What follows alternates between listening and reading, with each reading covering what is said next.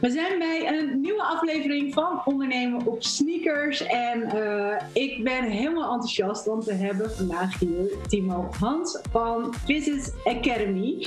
Welkom Timo. Dankjewel en uiteraard uh, heel erg bedankt ook voor je uitnodiging. En ik heb er uh, net als jou enorm veel zin in. Ja, we staan helemaal uh, ja. koppelen. We hebben een top gesprek gehad vorige, vorige week. Um, want jij stond echt wel op mijn lijstje. Ik heb natuurlijk een lijstje gemaakt van oké, okay, welke fitness-experts, docenten, sprekers wil ik in mijn podcast. En vind ik het heel belangrijk dat de trainers en coaches uh, jou leren kennen. En uh, ja, jij bent eigenlijk een van de eerste, dus hartstikke tof dat je hierbij uh, aanwezig wilt zijn. Um, we gaan het vandaag hebben over hetgeen wat jij doet, de meerwaarde die jij levert aan de trainers en coaches, want ik vind dat vrij uniek.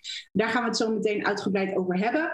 Um, als ik kijk naar mijzelf persoonlijk, hebben we elkaar leren kennen via de evenementen die ik organiseer. Wij hebben toen ook op Fitfair een um, uh, demonstraties gegeven en stukken masterclasses. En toen ik eigenlijk met jou in contact kwam van, goh, kunnen we daar iets samen mee doen? Toen heb ik wat content van jou bekeken, wat, uh, wat toffe uh, filmpjes op YouTube. En toen ik dat hoorde en zag, toen dacht ik, ja, dit is niet echt een, een, een het is zonde en we zouden het tekort doen, zeg maar, de informatie die jij deelt. Uh, als mensen zeg maar langslopen, eventjes kijken en luisteren en dan weer doorgaan. Dus ik zei toen van nee, jij, jij, hebt, jij verdient het gewoon echt. En, en, en het hele verhaal zeg maar, om dat verteld te worden in een vaste zaal. Dat heb je toen gedaan. Uh, meerdere keren, twee keer volgens mij uit mijn hoofd. Bij Fitver, klopt dat? Ja, de twee edities uh, die toen uh, die, die door zijn gegaan. Hè. De laatste ja. ging helaas niet door vanwege, vanwege corona. Maar uh, de afgelopen twee edities uh, had Vies Academy inderdaad zijn eigen zaal. De eerste keer hebben we elkaar ook gesproken. En hadden, we, hadden we geen idee hoe en wat. Maar hadden we vijf keer achter elkaar een volle zaal met heel veel enthousiasme en heel veel energie. En ehm, ja, daar kan ik nog steeds met heel veel plezier aan terugdenken. Ja, ja ik ben, ik ben ja. Heel blij dat. Ik vond natuurlijk heel tof dat je zeg maar uh, bij onze area dat wilde gaan doen. Maar toen had ik zoiets van ja, je gaat best wel de diepte in. En er lopen ook heel veel fitnessfanatiekelingen rond. En niet per se alleen maar trainers en coaches. En uh, dan is het net eventjes te diep zeg maar, om, uh, om in te duiken, om, daar even wat van mee te pakken. Dus ja, het verdient gewoon echt wel trainers en coaches die dusdanig niveau hebben, die al werkzaam zijn in deze branche als trainer of coach, uh, die zeg maar ja, onderscheid willen maken en net even ietsje verder willen. Uh, dat is zeg maar zoals ik je ken. Dus ik heb je zien groeien, echt super tof. Um, wat zouden de mensen van jou moeten weten, of van Business Academy, uh, voordat we deze, uh, dit gesprek ingaan? Um, nou, dat is een mooie. Wat ze van mij zouden moeten weten, is dat ik uh, niets lievers doe um, als het delen van kennis. En dan wel op de zes domeinen, waar we het natuurlijk in deze podcastaflevering over gaan hebben. Um, wat bij mij idealiter leidt totdat ik behandelaars en trainers mag inspireren. Dus ik vind kennis delen heel leuk. Maar steeds vaker na opleidingen, na podcasts, na wat dan ook hoor ik hoor. Je hebt me echt geïnspireerd en ik ben echt in beweging gekomen. Dus veel behandelaars en trainers gaan hun aanpak aanpassen, hè, gaan, gaan andere dingen doen, gaan op een andere manier ondernemen. Als ik merk dat ik dat te werk mag brengen, uh, uh, of als ik dat mag bewerkstelligen, dan, weet je, dan ben ik helemaal klaar. Uh, helemaal gelukkig ook. En ja, qua Physics Academy vind ik Um, dat we voornamelijk veel meer moeten gaan verbreden in plaats van verdiepen. Dus dat draag ik uit via Physics Academy met het zes domeinen model. Um, dus het is niet dat we moeten stoppen met verdiepen. Dus nog meer over training weten en nog dieper erop in. Het is goed dat we dat doen. Maar voor een grote gros van de mensen die we kunnen helpen, he, met alle kennis die we hebben, vind ik juist dat we moeten uitdragen dat we meer moeten gaan verbreden. Dus niet alleen trainen mee moeten gaan nemen, maar slaap en stress en ademhaling. En dan wel in één geïntegreerde aanpak. En dat is denk ik wel zo kort mogelijk het, het hoofddoel van Physics Academy. Ja, het is wel interessant dat je dit zegt. Van, jij kiest ervoor om, om wat meer te verbreden, maar je kunt ook meer verbreden zeg maar, binnen, binnen een specialiteit. Um, als we bijvoorbeeld hebben over trainers en coaches en including me, eigenlijk ben je helemaal enthousiast en je wil zoveel mogelijk mensen bereiken. Je wil zoveel mogelijk mensen coachen. Want ik ben helemaal fan van sport en fitness en alles wat ermee te maken heeft. Dus andere mensen, die zijn dat vaak niet. Uh, maar die wil je daarin meenemen. Um, en dan kiezen mensen er eigenlijk heel vaak voor om iedereen te willen bedienen, om iedereen te willen helpen. Um, als je kijkt naar de specialisatie, zeg maar, hè, je, kan ervoor kiezen om groepstrainingen te geven, of alleen maar vrouwen, of meer richting uh, het stukje hormonen bij bijvoorbeeld vrouwen of mannen, dat kan natuurlijk ook. Uh, je hebt heel veel verschillende uh, specifieke doelgroepen, zeg maar, waarvoor je kunt kiezen. Als je kijkt naar een doelgroep, um, meer specifiek, voordat we zo meteen de breedte op gaan zoeken, mm -hmm. welke doelgroep zou het beste passen, zeg maar, uh, als uh, trainer-coach zijnde en je bent daarin actief met jouw kennis en know-how? Oeh. um, ja, ik, ik denk niet dat je het zo kunt stellen, want als ik nu in mijn achterhoofd bedenk welke cursisten hebben ze en in welk werkveld zijn ze, eh, zijn ze werkzaam, zijn ze actief, dan hebben we nu een aantal mensen die uh, via ons model vrouwen helpen met overgangsklachten. We hebben mensen die mensen uit een burn-out helpen, darmklachten, lage energie, afvallen, um, topsport, uh, breedtesport, uh, gewoon echt, echt wel van alles. En ik denk dat het komt, het is een heel breed model. En we gaan op dingen echt wel de diepte in. Hè. Chronisch pijn is echt een, eh, een flinke specialisatie die je bij ons kunt volgen. Uh, mondflora, dat zijn wel hele specifiekere dingen. Maar je zet ze altijd in voor die uh, bredere problemen, omdat je die ook het meeste ziet. Dus ja, antwoord op de vraag is toch eigenlijk, omdat de opleiding zo verbredend is, is dat de doelgroep eigenlijk ook. Dus ik zie dat cursisten vooral de doelgroep kiezen die ze het meeste pakt. Bijvoorbeeld uh, Eltje de Klerk, uh, noem ik even, die richt zich echt op vrouwen met overgangsklachten. Ja, die heeft gewoon heel veel affiniteit met dat onderwerp. Die ademt dat, die vindt dat mooi, die kan er niet tegen dat die vrouwen die klachten hebben. Um, en die zet dus een bredere model in om in die niche te duiken. En zo zie je iedereen um, dat pakken, van chronische pijn tot darmklachten, tot afval, tot lage energie. Ja, maar zie je wel dat de trainers zeg maar, zelf al wel een bepaalde doelgroep hebben gekozen en niet per se iedereen willen bedienen en dat ze dan bij jou de, uh, de kennis en, uh, en know zeg maar, op kunnen doen om dat vervolgens toe te passen? Is dat voornamelijk jouw doelgroep? Zeg, de doelgroep is dus hier um, de mensen die voor een specifieke tak hebben gekozen. Ja, dus wij zien, ja, je bedoelt wie wij zien als cursisten, ja. bedoel jij? Ja. ja. Ja, wij zien als cursisten inderdaad voornamelijk fysiotherapeuten, personal trainers, crossfit trainers. Um, en of ze hebben inderdaad wel iets van een niche. Fysiotherapeuten zie je veel richting chronisch pijn gaan. Vandaag ga ik wat mee doen. Personal trainers zie je naar ondernemers trekken bijvoorbeeld. Dat vind ik een interessante doelgroep. Um, dus wij zijn inderdaad echt de specialist. Dus fysiotherapeut, personal trainer, crossfit trainer. Um, we zien tegenwoordig coaches, psychologen, diëtisten. Uh, dus het, het, wordt wel wat breder, maar de, de hoofdmoot wat er zit, ik denk zo'n 75% zijn fysiotherapeuten en trainers. Ja, precies. Ja. En het zijn denk ik dan ook wat meer de kleinere bedrijven, of niet? De, de eenpitters en wat kleinere uh, bedrijven. Meestal wel, uh, maar we zien wel steeds meer uh, fysiotherapiepraktijken, grotere gyms waarvan hè, één trainer of therapeut is een beetje is komen snuffelen. Um, die neemt die kennis mee naar huis en dan zie je drie collega's in de volgende editie en nog een. Dus dat ze zeg maar echt daarmee gaan werken, maar het zijn, het zijn niet de, de giganten van bedrijven. Meestal zijn het inderdaad ZZP'ers of in een team van vijf tot tien, laten we het zo zeggen. Ja, precies. Ik denk ook wel dat het, uh, dat het logisch is, omdat je anders vaak met, uh, met toch wel wat meer nummers gaat werken. En als je echt de mensen verder wil helpen, zeg maar. En, en, en echt, laten zeggen, wat meer persoonlijk wil gaan coachen, dan, dan moet er aandacht voor zijn en daar moet er tijd voor zijn. Want anders dan, dan kan je daar niet, uh, niet verder mee, zeg maar. Uh, dat is ook precies de doelgroep die, uh, die wij hebben, zeg maar, voor ondernemen op sneakers. Um, zes domeinen, je liet het al eventjes vallen. Uh, nee, we gaan eerst even naar, jou, naar jouw missie. Want wat is echt daadwerkelijk de missie van jou als, uh, als? Waar staan jullie voor en wat willen jullie neerzetten?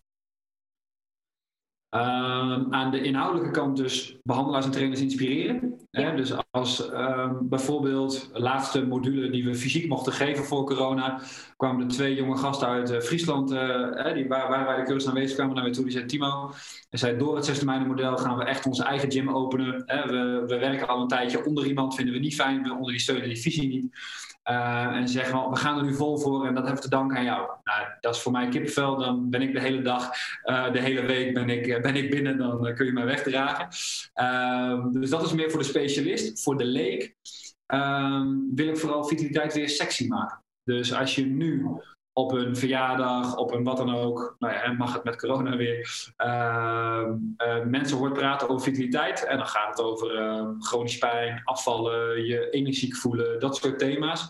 Dan praat eigenlijk iedereen daarover dat het lang duurt, dat iemand weer chronische pijn heeft, dat eh, het afvallen wel gaat, omdat er heel veel discipline voor nodig is. Nou, het, is allemaal best wel, het wordt allemaal op een zware manier gebracht en veel discipline duurt allemaal lang. En we zien met onze aanpak en niet, ja, we zien met ons aanpak dat het niet hoeft. En dat um, al die kennis die we brengen, en hoe we dat ook weer overdragen aan de leek, hè, dus hoe de, de, specialist dat weer zelf overdraagt, dat het echt lukt om vitaliteit weer sexy te maken. Dus dat mensen echt een positief beeld hebben um, over hun eigen lichaam, dat ze er echt vertrouwen in hebben dat het goed komt, dat het grootste deel van het resultaat ook gewoon heel snel komt en blijft. Um, ja, en daar word ik echt vrolijk van, want de, de leek zelf weet echt niks van gezondheid en vitaliteit. Dat blijkt maar weer keer op keer.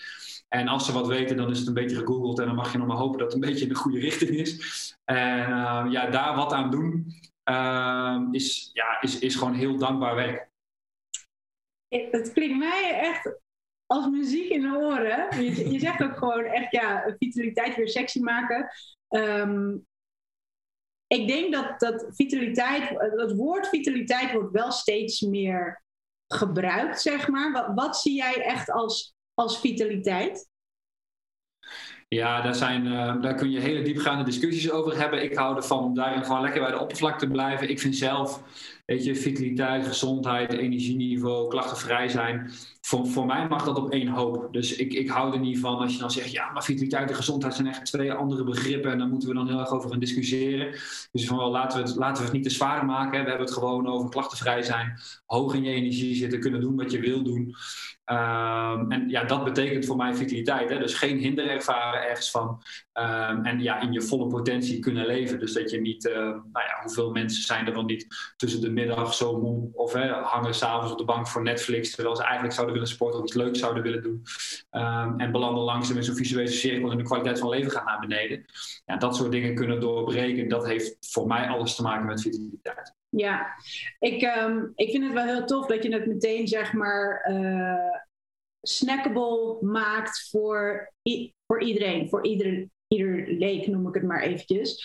Uh, want inderdaad, als je kijkt naar het eindresultaat, wat mensen voornamelijk willen, is dat ze fit en vitaal zijn, dat ze energie hebben, dat ze energie overhouden, geen energiedipjes gedurende de dag, goed kunnen slapen, lekker mobiel kunnen bewegen, spelen met kinderen of kleinkinderen, uh, een goede focus. Dat is zeg maar, dat, dat is het geheel, dat is het resultaat waar het om gaat. Want op het moment dat jij echt een goddelijk lichaam hebt, uh, als uh, uiterlijk zeg maar fysieke plaatje, dan betekent dat niet dat je super fit bent en, en gefocust en, en, en, en, en, en, zeg maar. Dus het, het gaat echt om dat complete plaatje. Dus nee, dat is, dat is heel duidelijk.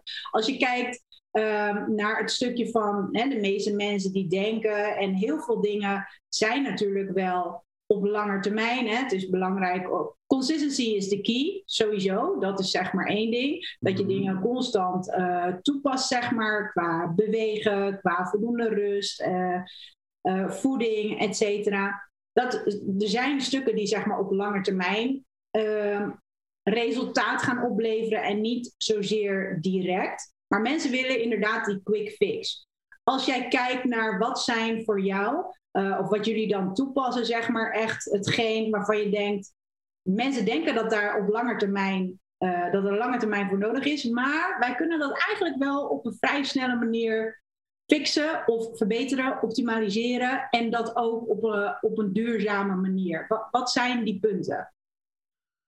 Ja, dat, uiteindelijk voor het voor het grote gros zijn dat eigenlijk alle punten. Dus van nou ja, vanaf de vrij eenvoudige problematiek als um, afvallen, hoog in je energie zitten, uh, slaapproblemen. Tot soms zelfs uh, ziekte van Crohn, uh, psoriasis. Daar kun je allemaal, nou ja, wij noemen dat uh, creëer een groot contrast tussen week 0 en 4. Hè, dus binnen de eerste vier weken. Creëer daarin in ieder geval een groot verschil.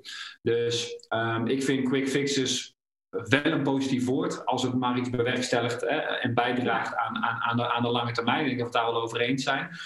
Ehm, en ja, hoe, hoe je dat doet, ehm, daar, daar, heb je verschillende tools voor. Ik noem maar even een voorbeeld. Heel veel mensen, ehm, doordat ze slechter zijn gaan slapen, zien uh, meer beren op de weg, hè, zien, zien geen oplossingen meer, uh, komen langzaam lager in hun energie, um, creëren de typische brain fog, dus dat ze veel warriger zijn in hun hoofd en dingen niet meer onthouden.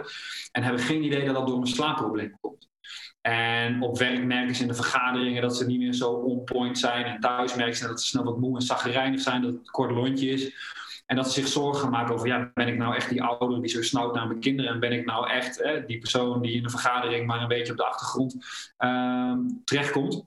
En weet je, die mensen die kunnen prima drie, vier keer per nacht wakker worden, maar 6,5, 7 uur per, per, per, nacht kwalitatieve slaap pakken. En op korte termijn is het een heel mooi voorbeeld om bijvoorbeeld met een goede buikademhaling voor het slapen gaan. Uh, een van de vele tools natuurlijk, maar eentje die ik veel gebruik, um, kun je dat slapen heel snel herstellen. Hè? Dus kun je er enorm snel voor zorgen dat mensen bijvoorbeeld binnen een week al wel doorslapen, um, dat ze 8, 8,5 uur slapen. En in combinatie met wat andere tools binnen vier weken echt al iemand creëren die zegt van wow, ik ben veel gefocuster, ik heb veel meer geduld uh, thuis, ik merk alweer tijdens vergaderingen en zo dat ik een beetje meer met de vuist op tafel ga. Dat kun je echt binnen vier weken al wel realiseren. En wat het mooie is van zo'n quick fix, om even in die term te blijven nu, is dat dat bijdraagt aan het lange termijn effect. Want iemand die weet van hey, een vrij simpele tool, alleen maar voor het slapen gaan hoef ik iets aan te passen, het is maar iets kleins. Um, en ik had nooit gedacht dat het zoveel effect zou hebben. Met als, nou ja, het, het, uiteindelijke resultaat dat iemand echt verwonderd is. Van wow, ik wist niet dat dit kon. Um, ik weet ook hoe het werkt. Ik weet dat het iets te maken heeft met mijn ademhaling. En dit ga ik altijd blijven doen. En dat is wel iets waar we nu um, nou ja, binnen onze opleiding ook meer onderzoek naar doen. Van hey, laten we al die resultaten op een hoop gooien. Hè. Um, doen, we, doen we wel netjes, netjes en objectief. En dan kijken van hey, maar is dat bij iedereen zo? En we zien bij alle cursisten bij alle specialisten dat als ze dus als ze adviezen geven, dat dat ook het resultaat is. Hè? Dus daar kan ik nu inhoudelijk nog niet veel over zeggen, dat we net mee begonnen zijn met het verzamelen van die informatie. Maar zelfs op korte termijn zien we dus ook um, die progressie in de ziekte van Crohn. Hè? We zien bijvoorbeeld dat um, keer op keer door dezelfde interventie uh, mensen eh, enorm veel meer energie ervaren, enorm veel minder darmklachten hebben. Um, en ook allemaal al binnen de eerste vier weken. En ja, dat is natuurlijk enorm interessant. En dan is mijn boodschap eigenlijk dat we voor elk ding wel een quick fix hebben. Uh, niet een negatieve quick fix van oh, ik help je er zo even vanaf, maar wel van een enorme verbetering in een korte tijd. Om vervolgens op lange termijn te kijken hoe je dat um, gaat integreren tot iets wat je niet hindert. Dus inderdaad, hè, dat je inderdaad dat um, kan blijven volhouden, um, dat je het kan reproduceren en dat je een specialist niet meer nodig hebt. Ja, precies. Nou, ik denk wel dat dat uh, een hele goede is. Ja, quick fix. Ik, noemde dat dan even quick fix. Maar het is natuurlijk wel zo. We weten allemaal dat op het moment dat je in een beginperiode uh, is, moet de motivatie of kost het eigenlijk veel meer energie. Uh, om vervolgens ergens mee aan de slag te gaan en dat dan vol te houden. En ik denk dat het heel mooi is en heel waardevol is, is dat je binnen die vier weken zeg maar al resultaat gaat boeken. En dan, is het, dan, dan raak je ook weer gemotiveerd. En dan raak je niet. Kijk, als je op een gegeven moment na acht weken. En, en je probeert het een en ander aan te passen. En je doet het elke dag. En dan zie je niet direct resultaat, zeg maar. Dat kan echt wel demotiverend werken. Dus ik denk dat het hartstikke goed is dat je ook uh, daadwerkelijk binnen vier weken al er enigszins resultaat hebt om daar vervolgens op te kunnen bouwen natuurlijk. Hè? Dus dat uh, ja. moet, moet, wel duurzaam zijn en, uh, en dan vervolgens in je systeem komen. Want ja, waarom zou je het... Het, het is niet voor eventjes, nee, het is de bedoeling. Daar ga ik in ieder geval van uit, als mensen ergens verbetering willen hebben, dat het niet voor korte duur is, maar dat ze dat vervolgens dan willen continueren. Dat het gewoon lekker door blijft gaan. Dus, uh, dus ja. ik denk dat je hiermee um, al heel veel trainers uh, even wakker hebt gemaakt van hé, hey, weet je wel, het hoeft niet allemaal langer termijn. Um, maar er kunnen, kunnen ook op korte termijn zeg maar, resultaten worden, worden geboekt. Ik denk dat het tof is om eigenlijk meteen nu wel uh, de diepte in te gaan. Um, je hebt het over de zes domeinen. Hoe ben je gekomen aan die zes domeinen? Toch wel, net als vele ondernemers, opleidingen, uh, tot de, uit, uit, een stukje frustratie ook wel. Dat je denkt van, hé, hey, ik, ik, mis iets. dus ik ben nou laat ik het even 10, 10, 11 jaar geleden volgens mij afgestudeerd als fysiotherapeut. Toen kwam ik het werkveld in met, uh, ik denk dat ik alles wel weet, net als velen. En dan ga je aan de slag. Dan kom je erachter van, goh, nou, dat, dat is het toch niet. Veel kleinere cursussen gedaan, ook meer opleidingen gedaan in de orthomoleculaire hoek, in de osteopathie. En ehm, ik dacht bij osteopathie echt dat dat het was. Dat, dat, dat, dat is waar het helemaal compleet was. En die kijken naar het hele plaatje. En nou ja, dat weet je, was gewoon geen reële verwachting van mij. Ik denk niet dat er één beroep is die dat doet. Uh, maar ik had dat wel echt, echt bij me. En dan tijdens de lessen ging het vaak over hè, hoe je de diafragma kon behandelen en de organen en de fascia erbij. En hoe je dat ook kon manipuleren op wervelniveau. Het allemaal super interessant. Echt, echt een hele gave opleiding. Maar dan werd er gewoon niet gesproken over ademhaling. En dan denk ik, ja, maar dan hebben we dat middenrif, hè, dat diafragma hebben we dus helemaal behandeld. En dan maakt het dus niet uit of iemand door zijn borst ademt of door zijn buik. Hm, dat is toch een beetje raar. En uh, niet dat ze dat niet zouden willen, maar gewoon, dat, dat past er gewoon niet in het curriculum. En zo zag ik dat ook uh, bij slaap en bij stress. En weet je, er waren wel uitstapjes, maar niet ja, naar na mijn genoegen. Dat ik dacht, nou kan ik er ook iets mee. Dus het enige wat ik dan kan, is met mijn handen behandelen en dan hopen dat de rest maar goed komt. Of samenwerking zoeken met iemand anders. Maar dat samenwerking zoeken met iemand anders kon niet, want er is niemand die al die domeinen pakte. Dus zo ben ik zelf um, als fysiotherapeut slash osteopaat um, nou ja, mensen gaan helpen met slaapproblemen eerst. Dat was het eerste onderwerp waar ik op kwam. En dat ging zo goed dat op een gegeven moment mensen binnenkwamen van... hé, hey, ik hoorde dat jij een slaapprobleem kan oplossen. Ik zei, nou oké, tof, leuk. Hè? Zo, zo ben ik een beetje doorgaan puzzelen. En op een gegeven moment ja, komt voeding daarbij, het immuunsysteem daarbij. Uh, bewegen, hè, waar sporten natuurlijk ook onder valt, en trainen, ademhaling. En ja, zo vormde daar zich een model waar ik nou, steeds meer research ging doen, steeds meer andere opleidingen ging volgen om dat plaatje compleet te maken. Um, en waren er op een gegeven moment zoveel relaties tussen al die zesde domeinen. Dat ik dacht, oh wacht even, dus iemand kan echt binnenkomen met darmklachten. Waar je normaal gesproken zou zeggen, dan moeten we iets aan de voeding doen. Maar bij deze persoon is dat gewoon echt een slaapprobleem. En dan ging iemand beter slapen, dan verdwenen de darmklachten ook. Denk ik, oké, dat is wel uniek. Hè? En zo ben ik patronen gaan zien. Uh, dat model in de basis uh, gemaakt. Vierdaagse opleiding, de zes domeinen cursus begonnen. Dat is nu vier en een half jaar geleden. Ik schreef er net nog een social media post over die over twee weken volgens mij online komt. Ehm, en toen dacht ik, weet je, ik ga het gewoon, ik ga het gewoon doen. En daar waren 15 cursisten.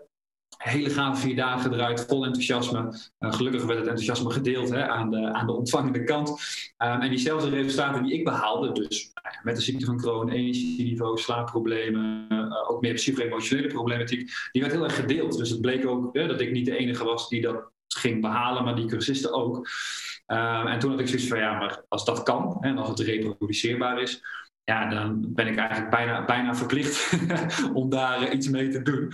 En uh, ja, zo is het zesde model geboren. En um, is het gestart met een vierdaagse cursus. Um, is daar een jaaropleiding uitgerold en zijn er nu nou ja, met gastdocenten bezig van hey, wat voor specialisaties zijn er meer die we hierop kunnen toepassen. En nou ja, dat is uh, bijna vijf jaar geleden.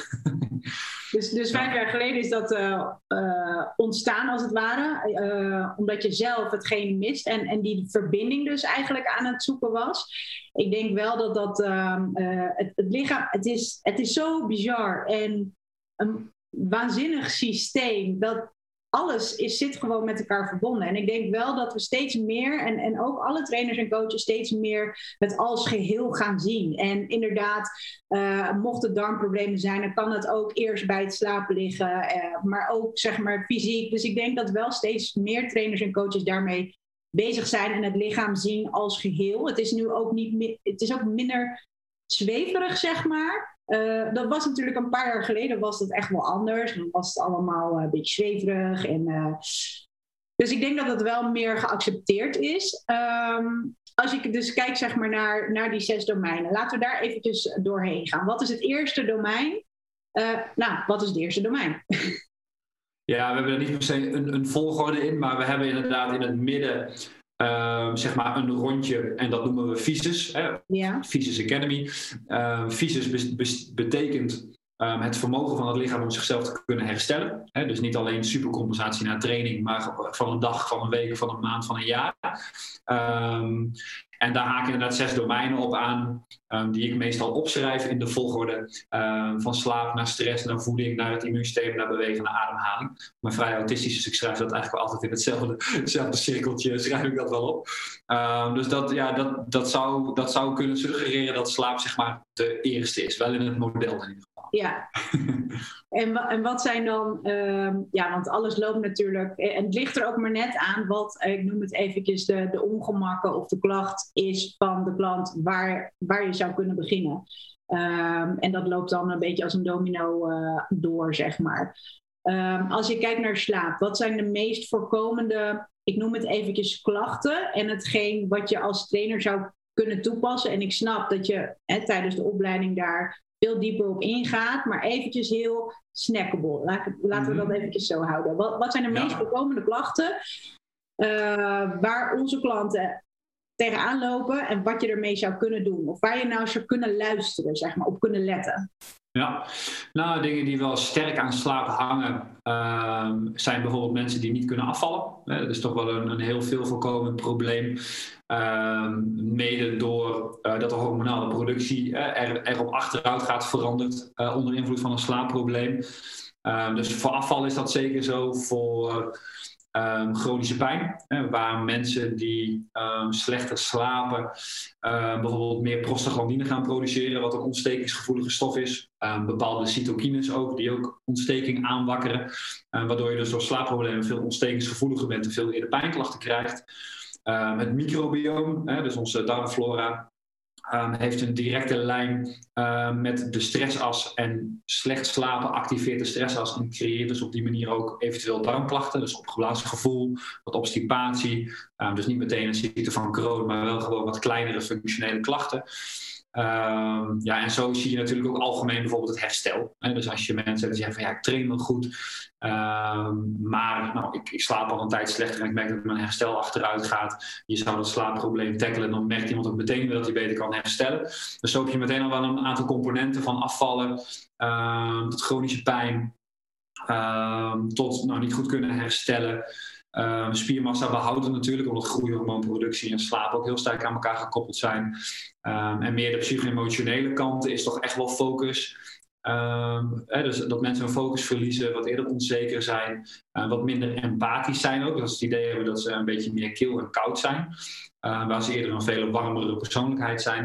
Um, en kunnen er echt wel onzeker van worden. Hè? En dat, dat kan al nou ja, binnen, binnen een paar maandjes slechter slapen, kunnen mensen dat echt al wel ervaren. Um, en gelukkig, door het oplossen, kunnen mensen ook alweer in een paar weken ervaren dat het zich weer omdraait van chronisch pijn tot het afvallen, et cetera. Um, waar ik dan het liefst heb, waar mensen eerst op letten, Um, uiteraard de relatie van stress naar slaap. Als er veel stress speelt, is er vaak een hogere borstademhaling. Dus zijn mensen veel oppervlakkiger aan het ademhalen. Um, en kunnen mensen gewoon s'avonds niet meer in een diepe slaap vallen. Dus worden ze vaker wakker. dus dat is een hele belangrijke om uit te vragen en dus ook te observeren, hè, die ademhaling. uiteindelijk toch al wel vrij snel is het belangrijk wat de kwaliteit over de dag is. Dus of mensen overdag nou, genoeg bewegen, um, genoeg daglicht zien, genoeg buiten zijn, genoeg rust voor zichzelf pakken. Zorgt er ook voor dat mensen s'nachts echt veel beter kunnen slapen. Uh, zo zijn er hè, mensen die um, alleen maar tijdens de lunch bijvoorbeeld even een half uurtje, drie kwartier een ommetje gaan maken buiten. Um, en die dat toch meteen binnen een week merken in hun slaappatroon. Dat zeggen, ik slaap toch echt dieper, want ik ben buiten geweest, ik heb meer bewogen. Uh, want voorheen zat ik gewoon stil. Chronotype is heel belangrijk. Nou, ik denk dat je daar wel een beetje eerst zo het, het laaghangend fruit hebt, zeg maar, waar je, waar je iets mee kunt. Ja. ja. Wat, wat ervaren, zeg maar, de klanten zelf? Want je, je, je zegt nu heel duidelijk, zeg maar, wat allemaal de oorzaken zouden kunnen zijn. Uh, Aan de mhm. achterkant, als het ware. Maar wat ervaren de klanten zelf, zeg maar? Is dat, zijn dat de stukjes wat je benoemt van, nou, oké, misschien uh, uh, wat meer prikkelbaar en het, het ja, proberen af te vallen, noem ik het eventjes, en dat lukt niet, of, en niet herstellen, mindere focus gedurende de dag of minder energie gedurende de dag. Zijn dat dan zeg maar de dingen? Of heb je het meer over, ehm, kunnen, kunnen we het nog meer ja, tastbaarder maken doordat ze gewoon zeggen van ik, ik slaap niet goed, ik kom niet goed in mijn slaap, ik word een paar keer per nacht wakker, dat mensen het echt zeg maar over dat stukje slaap gaan hebben, de klanten. Ja, ja nou meestal komen klanten met slaapproblemen voor iets anders binnen. Ehm, dus hè, komen ze binnen omdat ze niet kunnen afvallen bij een diëtist, komen ze binnen met chronisch pijn bij een fysiotherapeut. Um, dus of zelden, maar kijk, als ze weten dat jij slaapspecialist bent, kunnen ze al vast wel vertellen van hey, ik lig echt gewoon niet meer wakker voordat ik in slaap val. Hè? En precies wat jij noemt. Uh, maar meestal hebben mensen voordat ze binnenstappen nog geen idee dat hun slaapprobleem ook opgelost gaat raken. Uh, en dat dat zo ook heel veel meer kwaliteit van leven gaat bieden. Maar belangrijke ding om inderdaad daarna te vragen uh, is inderdaad hoe lang lig je wakker? Hè? Toch wel vanaf 15 tot 20 minuten lang wakker liggen. Als je langer dan dat wakker ligt, nou, dan kom je toch al in aanmerking hè, voor een, een, slaapinterventie voor, om die kwaliteit te verbeteren. Uh, meestal gaat dat samen met een paar keer wakker worden s'nachts. Um, helemaal als mensen dan s'nachts ook echt wakker zijn hè, en er ook weer 15 tot 20, 30 minuten over doen om weer in slaap te vallen in de nacht, is dat echt desastreus. Um, en wellicht een van de belangrijkste vragen, word je s ochtends uh, goed uitgerust en energiek wakker. dus kom je een beetje makkelijk uit bed. Um, en na die eerste 10, 15 minuten heb je dan het idee, ik kan de hele dag aan. Of heb je zoiets van, nou, ik wou dat de avond was, want ik wil mijn bed wel weer in.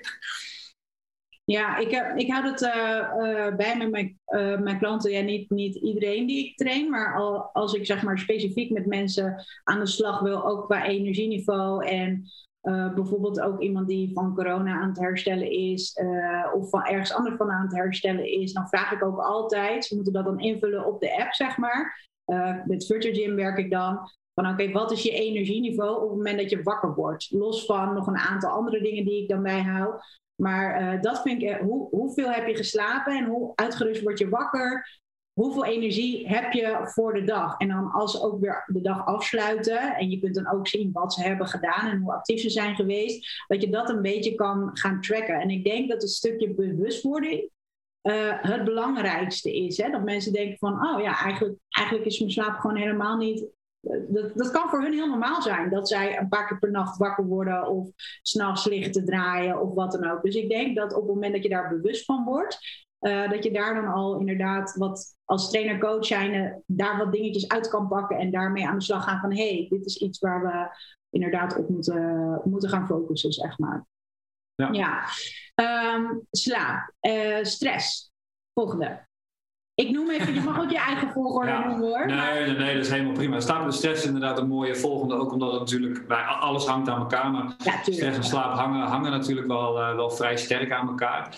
Waar ja, mijn, mijn hoofdmotto is van stress dat we het echt met z'n allen anders moeten gaan doen. Hè? Dus we zitten nu Um, praktisch met z'n allen, dus coaches, psychologen, fysiotherapeuten, nou ja, wat we maar leren hè, over een biopsychosociale aanpak. Uh, zitten we heel erg op ja, stress, hè, produceert cortisol. En op lange termijn is het chronische stress en dat is niet goed. En dan krijgen we nekpijnpan, hoofdpijn slaapproblemen, hè, worden we ziek van. En ja, ik zou het heel graag zien dat we dat uh, met z'n allen over een andere boeg uh, gaan gooien. Omdat nou ja, nieuw wetenschappelijk inzicht, maar ook zeker nieuw praktisch toepasbaar inzicht um, laat zien dat ondanks um, chronische stress um, we ook alle symptomen gewoon kunnen verminderen. En zelfs bij sommige mensen kunnen laten doen verdwijnen. waardoor mensen tot de conclusie komen van ja, maar als ik geen stressgerelateerde klachten meer heb, heb ik dan nog wel stress? En ik denk dat dat het het meest interessante vraagstuk is omtrent stress vandaag de dag.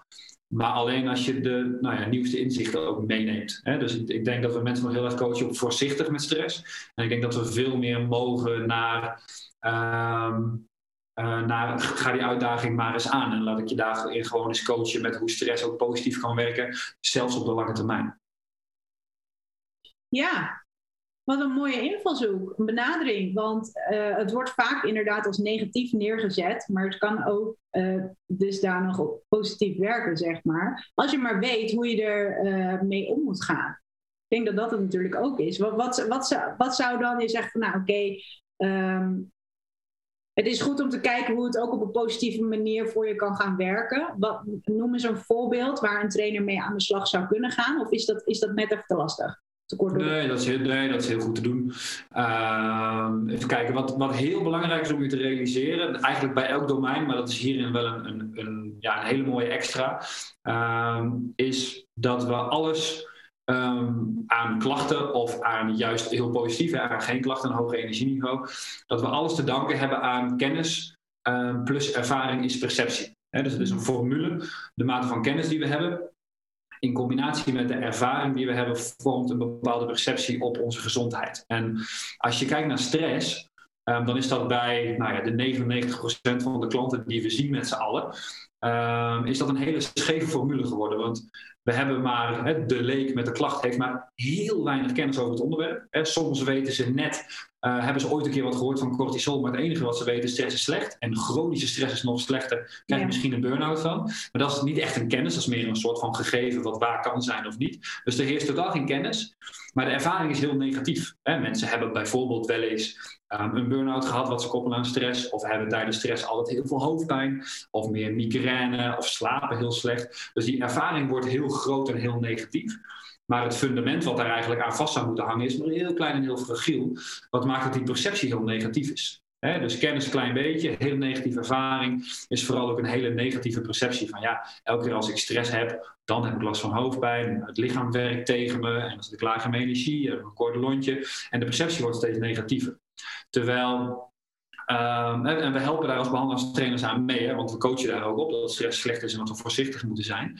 Terwijl nieuwere onderzoeken laten zien dat um, als we ook daadwerkelijk positief coachen op stress, hè, en dan inderdaad niet alleen maar met um, hoe ga je ermee om of kun je het zelf controleren, maar gewoon echt tot op het diepste niveau van laten we stress echt eens zien als iets positiefs Ehm, dan zien we dat je niet alleen maar meer uh, cortisol produceert en, en, adrenaline, en dat je dus die fight-or-flight respons krijgt, maar dat bijvoorbeeld een hormoon als DHEA, wat een heel anabol hormoon is, een heel ontstekingremmend en juist heel positief, dat die dan meer geproduceerd wordt. Alleen al doordat mensen voordat ze stress ervaren, Ehm, eh, daar anders tegenaan gaan kijken. dus niet meer geleerd krijgen vanuit social media, vanuit hun coach, vanuit een opvoeding, vanuit hun school.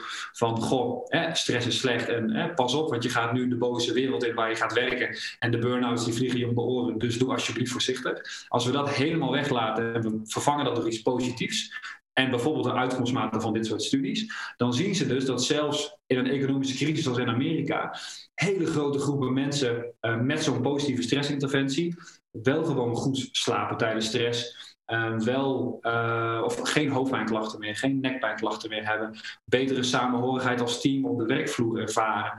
Uh, ja, en weet je, als we dat kunnen en de controlegroep heeft nog steeds dezelfde stressgerelateerde klachten, dan kun je dus voor die groep zeggen van hey, het, kennisplatform is, is groter. Hè? Dus ze hebben geleerd dat stress daadwerkelijk negatief kan zijn, maar dat perceptie juist een hele belangrijke is. En de invloed van DHA onder stress. En dat dat zelfs van toepassing is op die chronische stress. Waardoor ze meer DHA produceren, wat een andere ervaring maakt. Hè? Dus ze gaan toch beter slapen, ondanks dat stress hetzelfde is. Minder hoofdpijn, minder nekpijn, et cetera, et cetera. Waardoor hun perceptie verandert. Zo van oké, stress kan nog steeds wel wat slecht zijn. Maar ja, als ik nu al drie maanden lang geen stressgerelateerde klachten heb en de situatie is wel hetzelfde en ik vind mijn werk nog steeds heel leuk, ja, is dan, is dan stress niet de monster onder het bed hè, van vroeger? Als je als kind zo in je bed sprong, van shit, ik hoop niet dat er een monster onder zit. en dat is, dat is wel heel erg um, aan de ene kant de oplossing, aan de andere kant ook een verklaring waarom we nog steeds eh, een, een, toename zien in het aantal burn-outs um, en dat soort zaken, omdat we het nog niet op die manier benaderen. dus we, we gaan daar nog steeds fundamenteel de fout in. Terwijl, nou ja, de research is heus wel minder hè, dan de klassieke benadering over stress. Maar de, de studies zijn echt heel goed. Um, en de praktijkresultaten zijn heel veelbelovend. Dus ik hoop vooral dat elke opleiding deze visie meeneemt. Want alleen uh, met Visie Academy redden we dat niet. nee, nee, maar als, als je dit, dit, dit, is echt wel een heel mooi gegeven. En ik denk ook wel, uh, het is natuurlijk altijd zo dat je uh, iets, een, een, een emotie, een gedrag, en je koppelt dat aan een bepaalde ervaring die je hebt. En vaak is het dus ook zo dat uh, dat helemaal niet meer de realiteit is van nu, maar dat het gewoon echt diep in het verleden zit. En op het moment dat je dat zeg maar uh, weet te reframen, noem ik het eventjes, ja, dan ga je er op een hele andere manier mee om. En dat dus ook weer um, op een andere manier ervaren, zeg maar. Dus, dus je, je kan dat gewoon echt switchen. En ik denk, dit, dit hoor je ook wel steeds meer. En ik ben heel blij dat je dit zegt. En, uh, en dat dus ook aan, aan trainers en coaches leert. uh, dat dat stukje kennis, zeg maar, net eventjes wat, wat breder mag, wat meer de wereld ingetrapt mag worden, zodat mensen daar ook wat, ja, wat meer vertrouwen weer in krijgen, zeg maar. Als je toch een beetje wat meer kennis hebt, en kennis is echt niet alles, maar op het moment dat je dat op een goede manier weet toe te passen en dat mensen daar weer een beetje vertrouwen in krijgen, ik denk dat je dan gewoon echt een gigantische stap hebt weten te maken. Uh, want als je kijkt naar inderdaad de stressniveaus, is het voor heel veel mensen echt nou, misschien wel daar. Eh, mhm. Terwijl dat niet per se nodig hoeft te zijn. Dat is natuurlijk niet het eerste wat je moet gaan zeggen tegen mensen. Want dan denk ik, ja, die zitten helemaal in de stress. En dan zeggen nee, nee, nee. Weet je, dat, zo werkt het natuurlijk ook weer niet. Maar ik denk zeker wel dat als je ja, meer die kennis gaat delen... en dat, dat mensen daarover geïnformeerd worden... en dus geïnspireerd worden... dat ze dat uh, op een andere manier kunnen gaan zien. En dan is de beleving ook heel anders. En de perceptie dus ook heel anders. Ik vind het echt een, uh, een hele mooie. Um, even kijken, we hebben het over stress gehad, uh, slaap gehad, over stress gehad, ademhaling. Vind ik ook een hele, hele goede. Vertel. Vertel. Vertel. Vertel. Ja, gewoon een kwartje en ik ga wel. Dat is niet zo'n probleem. Uh, ja, weet je, ademhaling, uh, ademhaling heeft heel veel kanten. Um, ook een heel mooi domein wat laat zien dat heel veel psycho-emotionele klachten door iets heel fysieks komen. dus ik, ik, ik ben niet iemand die op het podium stapt en zegt Um, alle klachten die je psycho-emotioneel ervaart zijn fysiek, absoluut niet. Uh, maar ik vind wel dat we het uit balans hebben getrokken de laatste tijd. En als mensen iets psycho-emotioneels hebben, dan zeggen, nou dan moet je maar meteen uh, met iemand praten of dat zal wel stress komen. Dat is gewoon heel vaak niet waar. En ademhaling laat dat heel erg zien, waar um, een gejaagd gevoel, um, een kort lontje, slecht slapen en al die dingen die dus weer met slecht slapen te maken hebben, waar we net over hadden, uh, die kunnen heel erg vanaf het domein ademhaling komen. Ehm, waar zowel mannen als vrouwen er last van hebben, maar ik toch best wel veel uh, mannelijke ondernemers gecoacht heb, uh, die ook, ook een beetje alfamannetjes zijn en altijd wel zelf graag aan het woord zijn. Ik val er zelf natuurlijk ook wel graag onder, maar ook heel graag aan het woord. Uh, maar waar, waar ademhaling ze wel enorm helpt om nou ja, beter hun plek te pakken. Dus ze zeggen, hey, weet je wat, nou hou ik toch maar eens mijn smol dicht en iemand anders begint te praten. Dat is toch wel heel interessant. En ik hoef niet altijd maar meer voorop te staan en ik kan ook wel eens naar iemand luisteren. Um, en ik flap ook niet zomaar weer dingen uit waar ik later spijt van heb, bijvoorbeeld. Dat zijn ook dingen die heel erg aan ademhaling hangen. Um, en nog ve vele andere psycho-emotionele klachten. Uh, waar je aan de andere kant met bijvoorbeeld ademhalingstechniek Um, ja, ik, eigenlijk elke fysiotherapeut die bij ons de opleiding volgt, die zegt, joh, ademhaling, daar doe ik toch zoveel mee met nekklachten, schouderklachten, lage rugklachten, bekkenbodemproblemen. Um, omdat die relatie is zo sterk. Hè? Dus ook naar fysieke klachten um, ja, heeft ademhaling een, een, heel groot aandeel. En ja, die relaties kennen. Is wederom weer een, weer een hele dankbare, want dan ga je tijdens een intake met iemand Ehm, met nekklachten niet gewoon nou, hè, die standaard dingen vragen van hoe lang duurt nou de pijn en kwam het al eens eerder. Weet je, dat zijn belangrijke vragen. Maar als je daarnaast iemand observeert op zijn ademhaling um, en nou ja, vragenlijst die we hebben ontwikkeld, als daar ademhaling heel hoog in scoort, dan weet je eigenlijk zeker van oké, ik hoef jou niet te behandelen of oefeningen mee te geven. Ademhaling wordt gewoon een ding. En als dat zo is, eigenlijk altijd binnen twee weken zijn die klachten gewoon voorbij. Hoe lang ze um, ook geduurd hebben. Met de uitzondering van bekkenbodemklachten, dat duurt vaak iets langer. Um, dus dat maakt ademhaling op dat gebied al enorm dankbaar. Um, ja, waar we vele verdiepingslagen hebben uh, gedurende de jaaropleiding. En as we speak lanceren we bijna een uh, extra cursus gegeven door een uh, specialist. Nog weer over ademhaling, nog weer meer verdiepend. Dus ademhaling kun je makkelijk een week over, een week over kletsen. ja, Je, ziet, je ziet het wel steeds meer, hè? Dat mensen zijn er nu ook wat meer bewust met ademhaling bezig, uh, met meditatie onder andere ook bezig, waar, met, in combinatie dan met echt bewust ademhalen. Um, het is best wel bizar, want het is heel belangrijk. We doen het de hele dag, als het goed is. En um, het enige eigenlijk wat je leert op de meeste opleidingen is, uh, nou ja, je moet vooral uitblazen wanneer je kracht zet en uh, je ademhaling niet vastzetten. En op het moment dat je met core bracing bezig bent, omdat je gewoon zwaar gaat liften, dan is het net eventjes ietsje anders. Maar dat is eigenlijk het enige. En, en er wordt voor de rest heel weinig informatie over gedeeld. Uh, nou ja, we kunnen bij jou terecht op het moment. Een week heb ik net gehoord. Nee, we kunnen bij jou terecht als je, als je daar meer over wil weten. Wat zijn um, de, de triggers, zeg maar, de dingetjes die, die de trainers en coaches zouden kunnen herkennen bij die mensen van hey, uh, fysiek zeg maar, in een training, waar zouden ze op kunnen letten? Je bedoelt dan tijdens een training? Ja, bijvoorbeeld tijdens een training, maar het kan ook tijdens een intakegesprek. Of ja, als je, als je mensen ziet, dan zie je dus ook hun houding, hun ademhaling. Uh, als je daar echt op gaat letten, zeg maar. Wat, wat zijn dan de eerste soort van alarmbellen dat je denkt, oké, okay, het is goed om hier aandacht voor te hebben? Ik denk als je kijkt naar trainers, um, en dus ook crossfit trainers, hè, dus dan draai je bijvoorbeeld groepslessen um, en of je coach mensen één op één. Dat het van tevoren heel belangrijk is om te weten um, of iemand fysieke klachten heeft als nekpijn, hoofdpijn, rugpijn. Ook bekkenbodemproblemen is toch vaak te weinig aandacht voor. Mm en elke specialist die iets met bekkenbodemklachten doet, uh, nou is wat dat betreft echt een held om dat de wereld in te brengen. Want daar mogen we best wel ja, meer begrip en meer aandacht voor hebben, ook als trainers. wat daarin denk ik heel belangrijk is, is dat de correcties die we maken in ademhaling, die doen we voornamelijk overdag. of voor het slapen gaan. Dus voor het slapen gaan zetten we ademhaling in om veel meer parasympathisch te zijn. Hè? Dus om veel meer in die rusttoestand te komen, om even algemeen te blijven. Um, en overdag doen we het ook vooral om niet overmatig activatie te krijgen van de hulpademhalingsspieren. Om eh, core goed te kunnen gebruiken, want het diafragma en uh, core zijn heel erg aan elkaar verbonden. Uh, waar ik het liefste zie dat we dat dus in een warming-up uh, meenemen om het juist te integreren. Hè, om daar een goede buikademhaling te creëren. Om daar dus ook op die manier core te activeren. Um, en niet een onnodige spanning te hebben naar nek, hoofd, et cetera.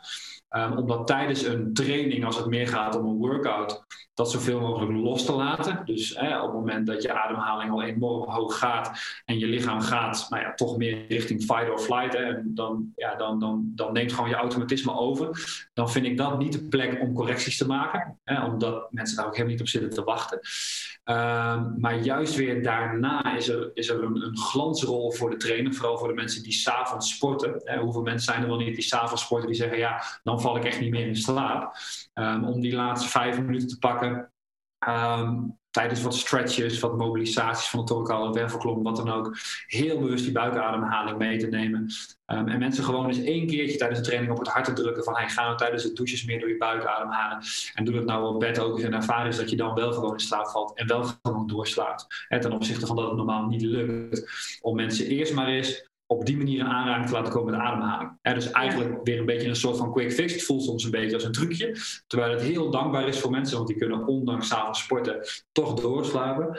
Om vervolgens dan bij je klant als ze terugkomen het enthousiasme te proeven van wow, wat je zei, dat werkte echt. Ik slaap echt veel beter en ik doe het nu ook op avonden uh, dat ik niet sport. En dat, ik, ik, slaap alleen maar beter en ik voel me veel relaxer en ik heb eigenlijk ook al veel minder nekklachten.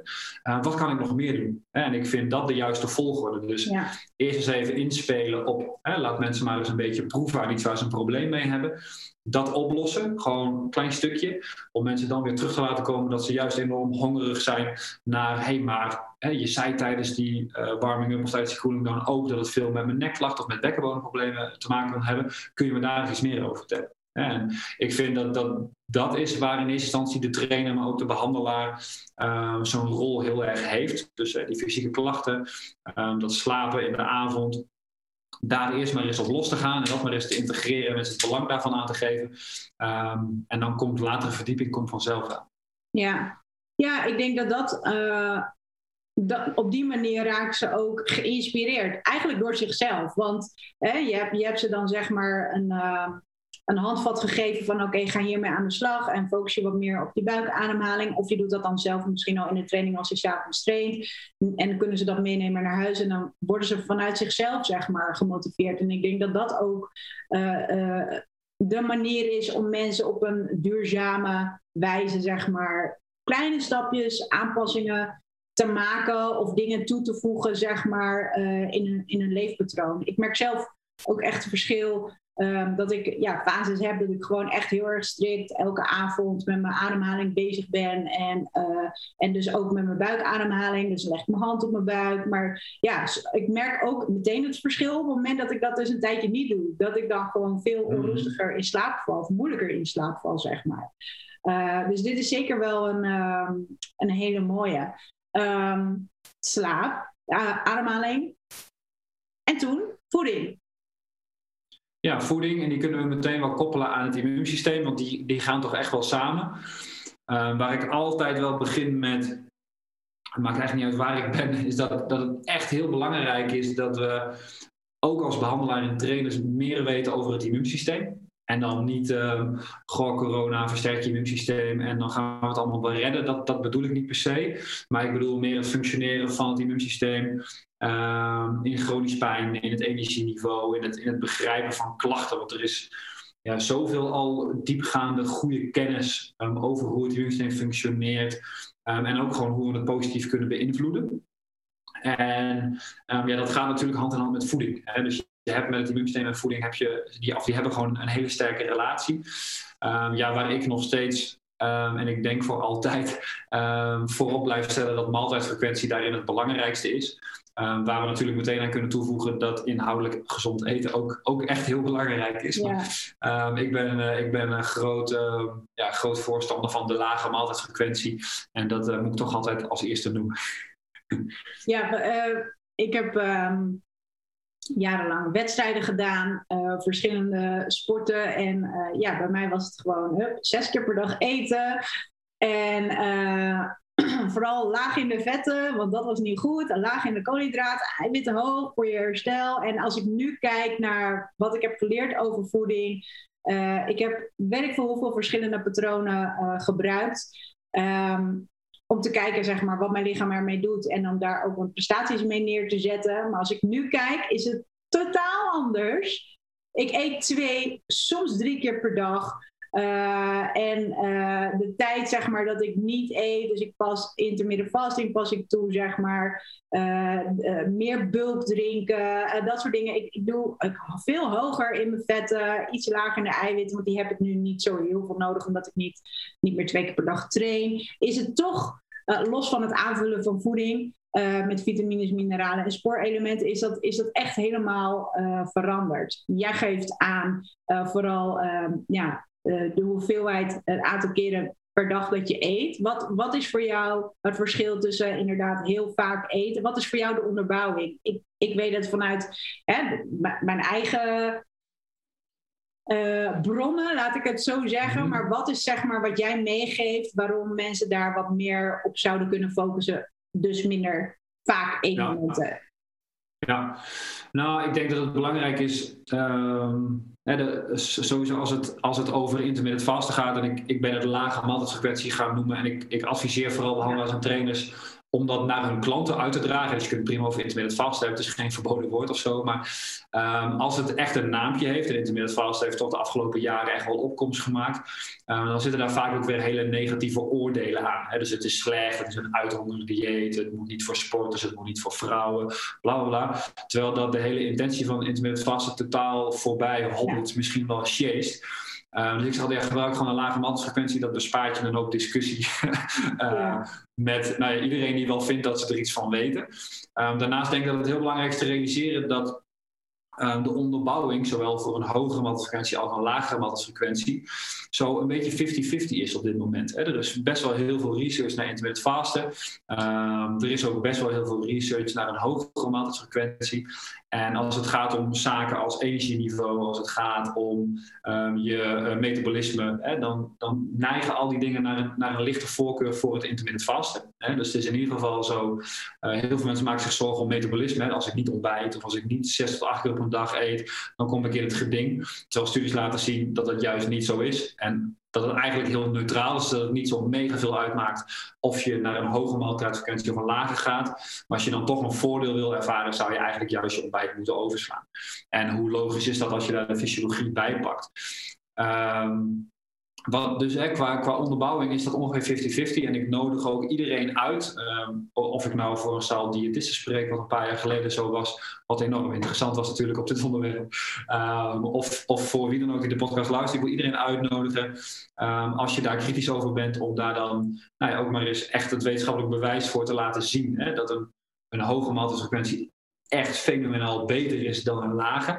Want ik wil daar altijd naar kijken, maar op dit moment heb ik het gewoon nog nooit ontvangen. En ik heb er zelf ook naar gezocht en mijn conclusie is gewoon op dit moment dat het er niet is. En brengen we dan die kennis van een lagere maaltijdfrequentie in de praktijk, dan moeten we vooral voorop stellen ehm, dat het niet gaat om uithongeren. Hè? Dus je eet gewoon of dezelfde calorieën of je haalt ze een dag daarna wat in, omdat je dan wat meer eet. Weet je, dus het gaat niet om, om dat heel strikt, als dat mij ligt dan, hè? het gaat niet om heel strikt het allemaal berekenen ehm, en zorgen dat je daarin zo laag mogelijk uitkomt. Maar het gaat vooral om het creëren van flexibiliteit. Hè? Dus mensen die um, al hele lange tijd een hoge maltfrequentie hanteren, zijn heel afhankelijk van een bloedsuikerspiegel. Ja ongeacht ook vaak wat je inhoudelijk eet, zijn vaak duizelig, um, hebben vaker tips naar het eten, uh, komen makkelijker aan, et cetera, et cetera, et cetera. Terwijl juist die lagere maltfrequentie, dus af en toe je ontbijt overslaan, um, nou, niet vaker dan drie of vier keer op een dag eten in, in de, in de, uh, in de macro-schaal, zeg maar, dus over een week, over een maand heen.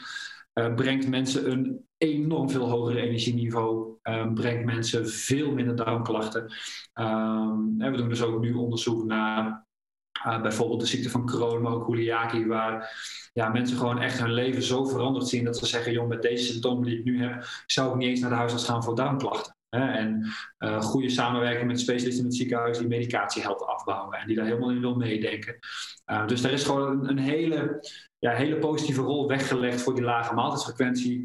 Um, op, op heel veel manieren. En eigenlijk is de sleutelwoord vooral flexibiliteit. Dus je wil niet elke dag zes tot acht keer eten. Je wilt ook niet elke dag maar twee keer eten.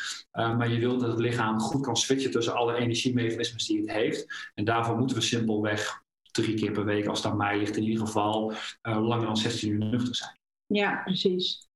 Nou, ik denk ook dat het heel erg goed is om, om daar sowieso zelf in te experimenteren. Dus niet alleen maar ja, je had het er straks ook over, ja, je gooit gewoon een hele hoop kennis uh, op, op elkaar. Nee, op een hoop. ik zeg altijd van ja, weet je, je, je, stopt gewoon alles wat je, wat je hebt meegemaakt en wat je hebt geleerd, al die ervaring stop in je rugzak en dan ga je kijken, oké, uh, ik heb een klant tegenover me staan en die, die heeft bepaalde uh, ongemakken of die heeft bepaalde doelen die ze willen behalen. En dan kijk ik van oké, wat past bij die persoon? En daarmee ga je spelen en dan ga je daar een, een, traject mee aan de slag. Om vervolgens te kijken, oké, wat, wat, wordt, wat is er veranderd, zeg maar. En dan kan je elke keer weer een beetje bijsturen. Dus ik denk ook niet dat één manier de enige manier is. Maar uh, wat ik zeg maar zelf altijd heb gedaan als trainer-coach zijn, is dat je vooral ook de dingen zelf gaat ervaren, uh, los van wat je leert, voordat je uh, het mensen gaat adviseren. Of je doet het samen met je klanten, zoiets zou ook nog kunnen, maar ga in ieder geval niet uh, van alles roepen zonder dat je daar zelf ervaring mee hebt. Op die manier kun je ook veel meer, veel beter mensen, mensen helpen. Uh, en dat zeg ik dan ook. Weet je, het is ook helemaal oké. En ik denk ook wel dat, dat het voor trainers en, uh, en coaches best wel een belangrijk punt is. Dat je echt wel mag gaan afwijken van hetgeen wat je misschien tien jaar geleden uh, hebt gezegd. En de onderzoeken zijn anders, alles verandert. We krijgen steeds meer te weten. Uh, hoe meer je denkt te weten, hoe meer erachter komt dat je eigenlijk niet weet.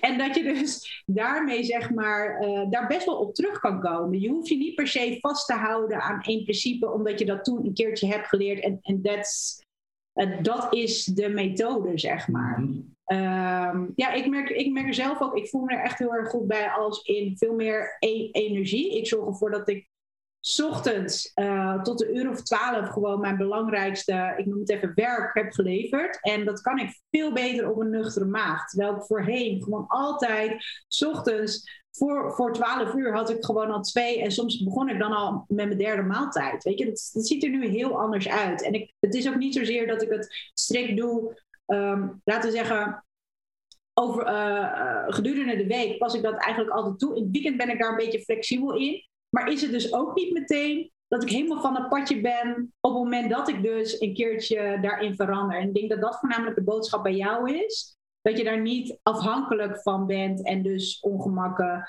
uh, ervaart op het moment dat je dat dus een keertje anders doet. Dus een keertje meer eten of een keertje minder eten. Ja, um, ja, ik denk ook inderdaad wat je zegt is een hele, hele goede aanvulling daarin.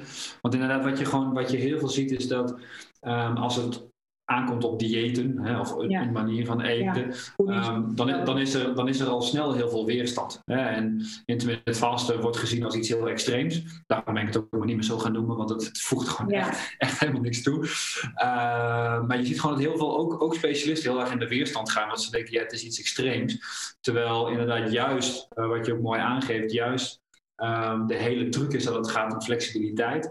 En dat je nooit um, iets 100% goed moet doen. Hè? Dus um, ik vind dat er wel een eind mag komen hè, voor die 99% van de mensen. Dus topsporters zijn extreme gevallen dagen later. Maar voor de 99% van de mensen mag daar juist uh, nou, veel meer flexibiliteit omtrent voeding zijn. Hè? Dus dat het minder uitmaakt uh, wat je op, op microschaal doet, maar dat het veel meer in eerste instantie uitmaakt wat je op macroschaal doet.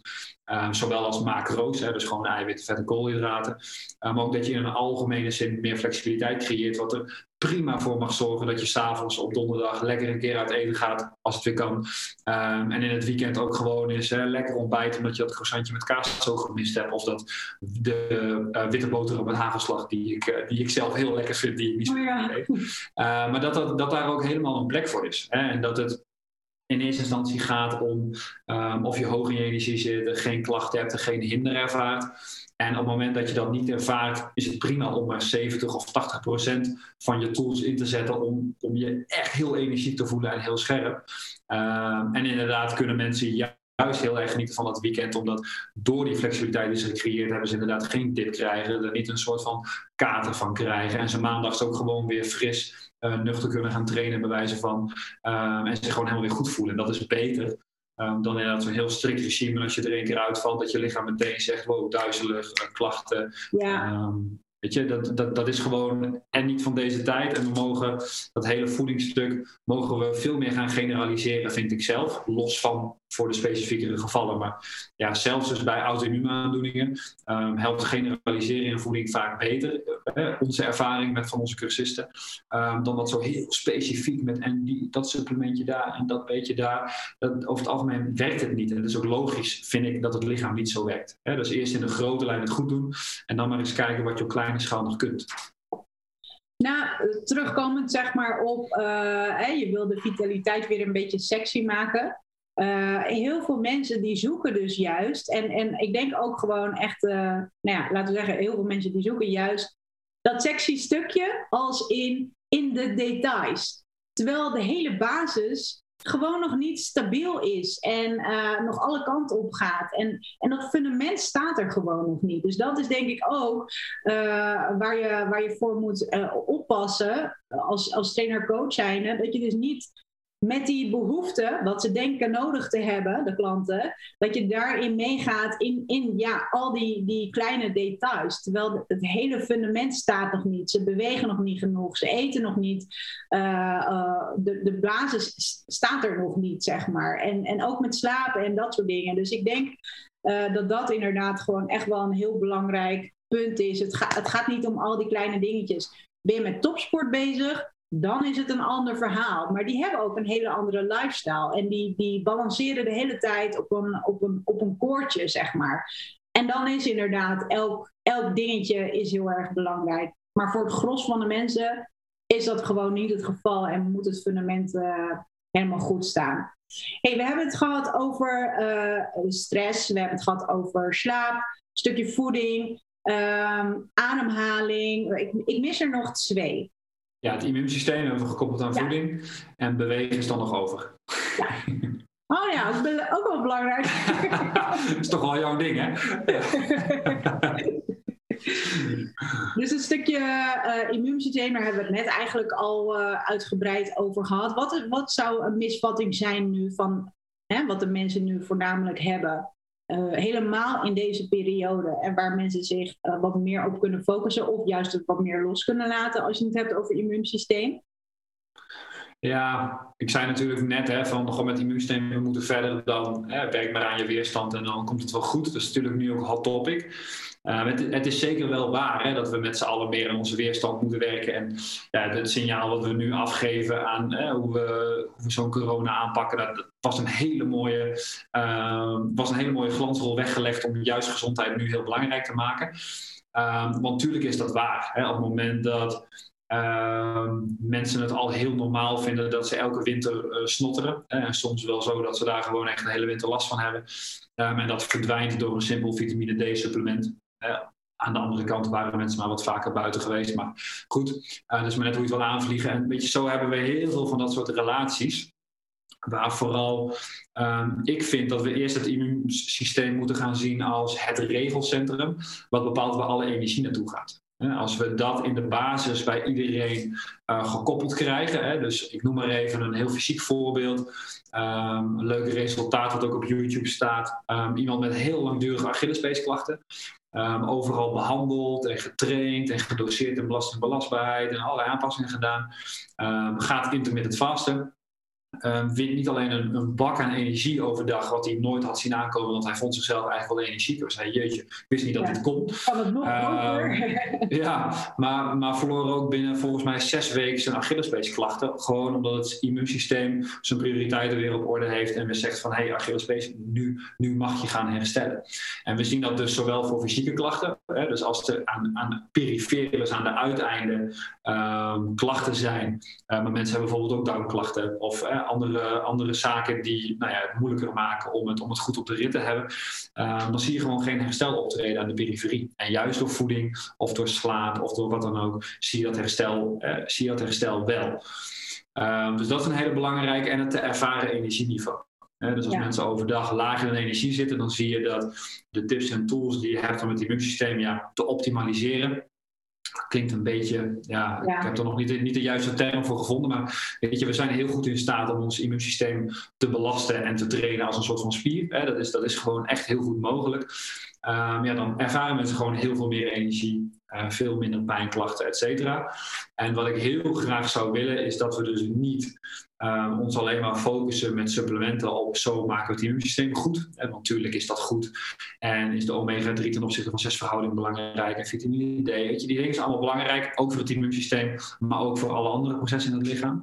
Maar zou het veel positiever zijn als we mensen juist leren dat die zes domeinen, dat als we dat 70, 80 procent op de rit hebben, dat we dan getrakteerd worden automatisch op een heel goed immuunsysteem en een heel hoog energieniveau en bijna geen pijnklachten meer. Ik, ik, denk dat dat de volgorde moet zijn, um, omdat we dan alles doen wat lichaams eigen is. dus uh, er zijn mensen die een uh, magnesiumpilletje proberen um, en een vitamine D, want dat is goed voor de weerstand, uh, terwijl ze al 15 jaar slecht slapen. Denk je, ja, dat is niet de boodschap die we, um, nee. die, die, we kunnen weggeven. Het komt ook niet tot de kern van, van de oplossing.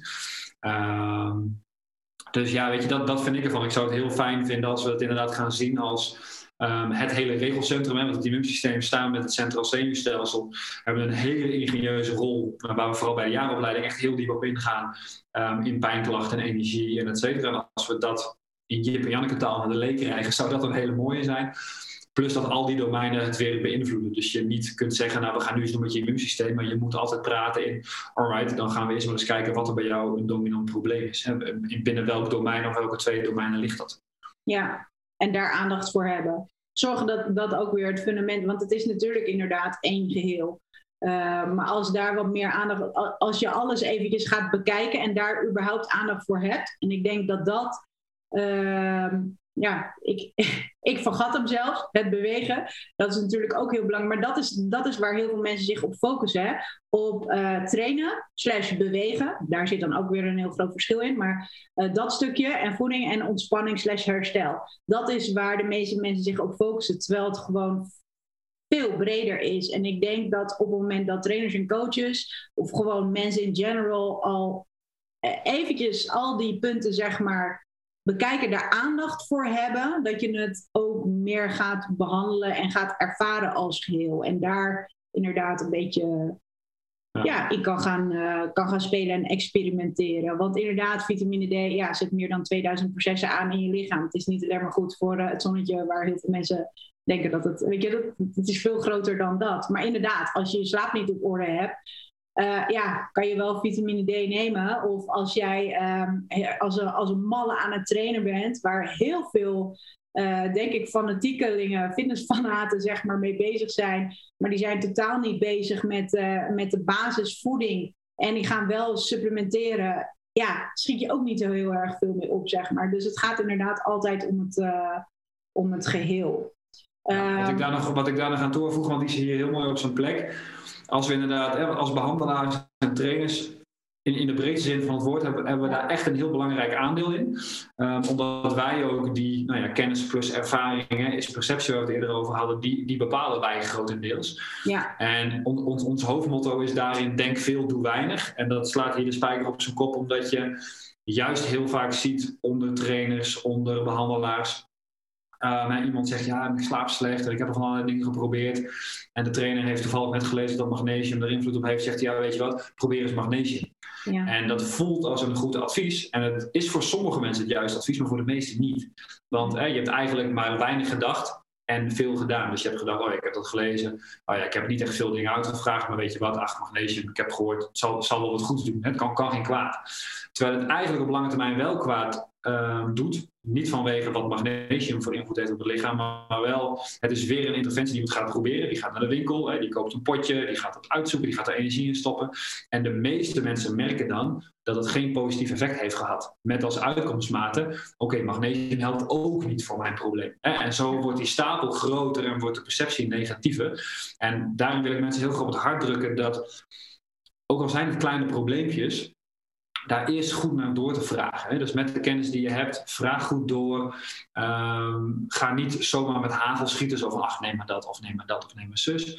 En als je al breed kijkt, hè, stel je kijkt al vanuit zes domeinen, of je kijkt vanuit drie al, of vanuit vijf, weet je, alles is al meer dan één. Um, zorg dan dat je dat eerst goed uitvraagt. Want heel vaak, ook voor relatief simpel lijkende problemen, um, zit er soms best wel een groot probleem achter.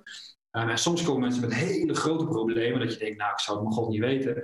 En met dat je gewoon rustig aan verdieping zoekt en uitvraagt en dus veel denkt. Hè, dus veel denkt van, hey, ik heb een intake gehad, vragenlijst afgenomen, ik ga er eens goed over nadenken, bij een collega's wat informatie in winnen. Dus veel denken.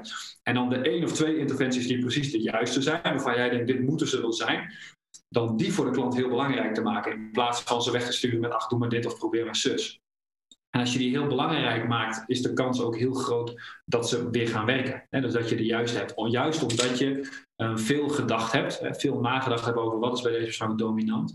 Um, en weinig doen, dus hè? gewoon één of twee interventies. En dat is wel bij ons een van de belangrijkste aanvliegroutes, omdat het voor behandelaarstrainers juist heel sexy is om heel veel te willen uitleggen. dus ja, jouw klachten kan met dit te maken hebben, dat te maken hebben, dat te maken hebben, dat en dat en dat. Dus ik stel voor dat we dit gaan doen. Ik denk, ja, potverdorie, dat, dat, dat houdt een keer op. Dat vinden mensen niet leuk, dat vinden mensen niet fijn. Dus gewoon één of twee dingen die echt werken, zo maak je um, ja, onze instinctiviteit echt sexy. Nou ja, en uh, ook daarbij, op het moment dat je heel veel dingen in één keer dus tegelijkertijd gaan proberen, dan weet je ook niet welk effect waarop heeft gehad, zeg maar. Dus ik denk inderdaad, één dingetje. Mensen houden gewoon niet van verandering. Dus het is al vaak een, een heel ding om alleen al daar aandacht voor te hebben. En te gaan kijken en, en te gaan voelen, überhaupt, in hun lichaam zitten. Dus ik denk, uh, ik denk dat dat uh, vaak gebeurt.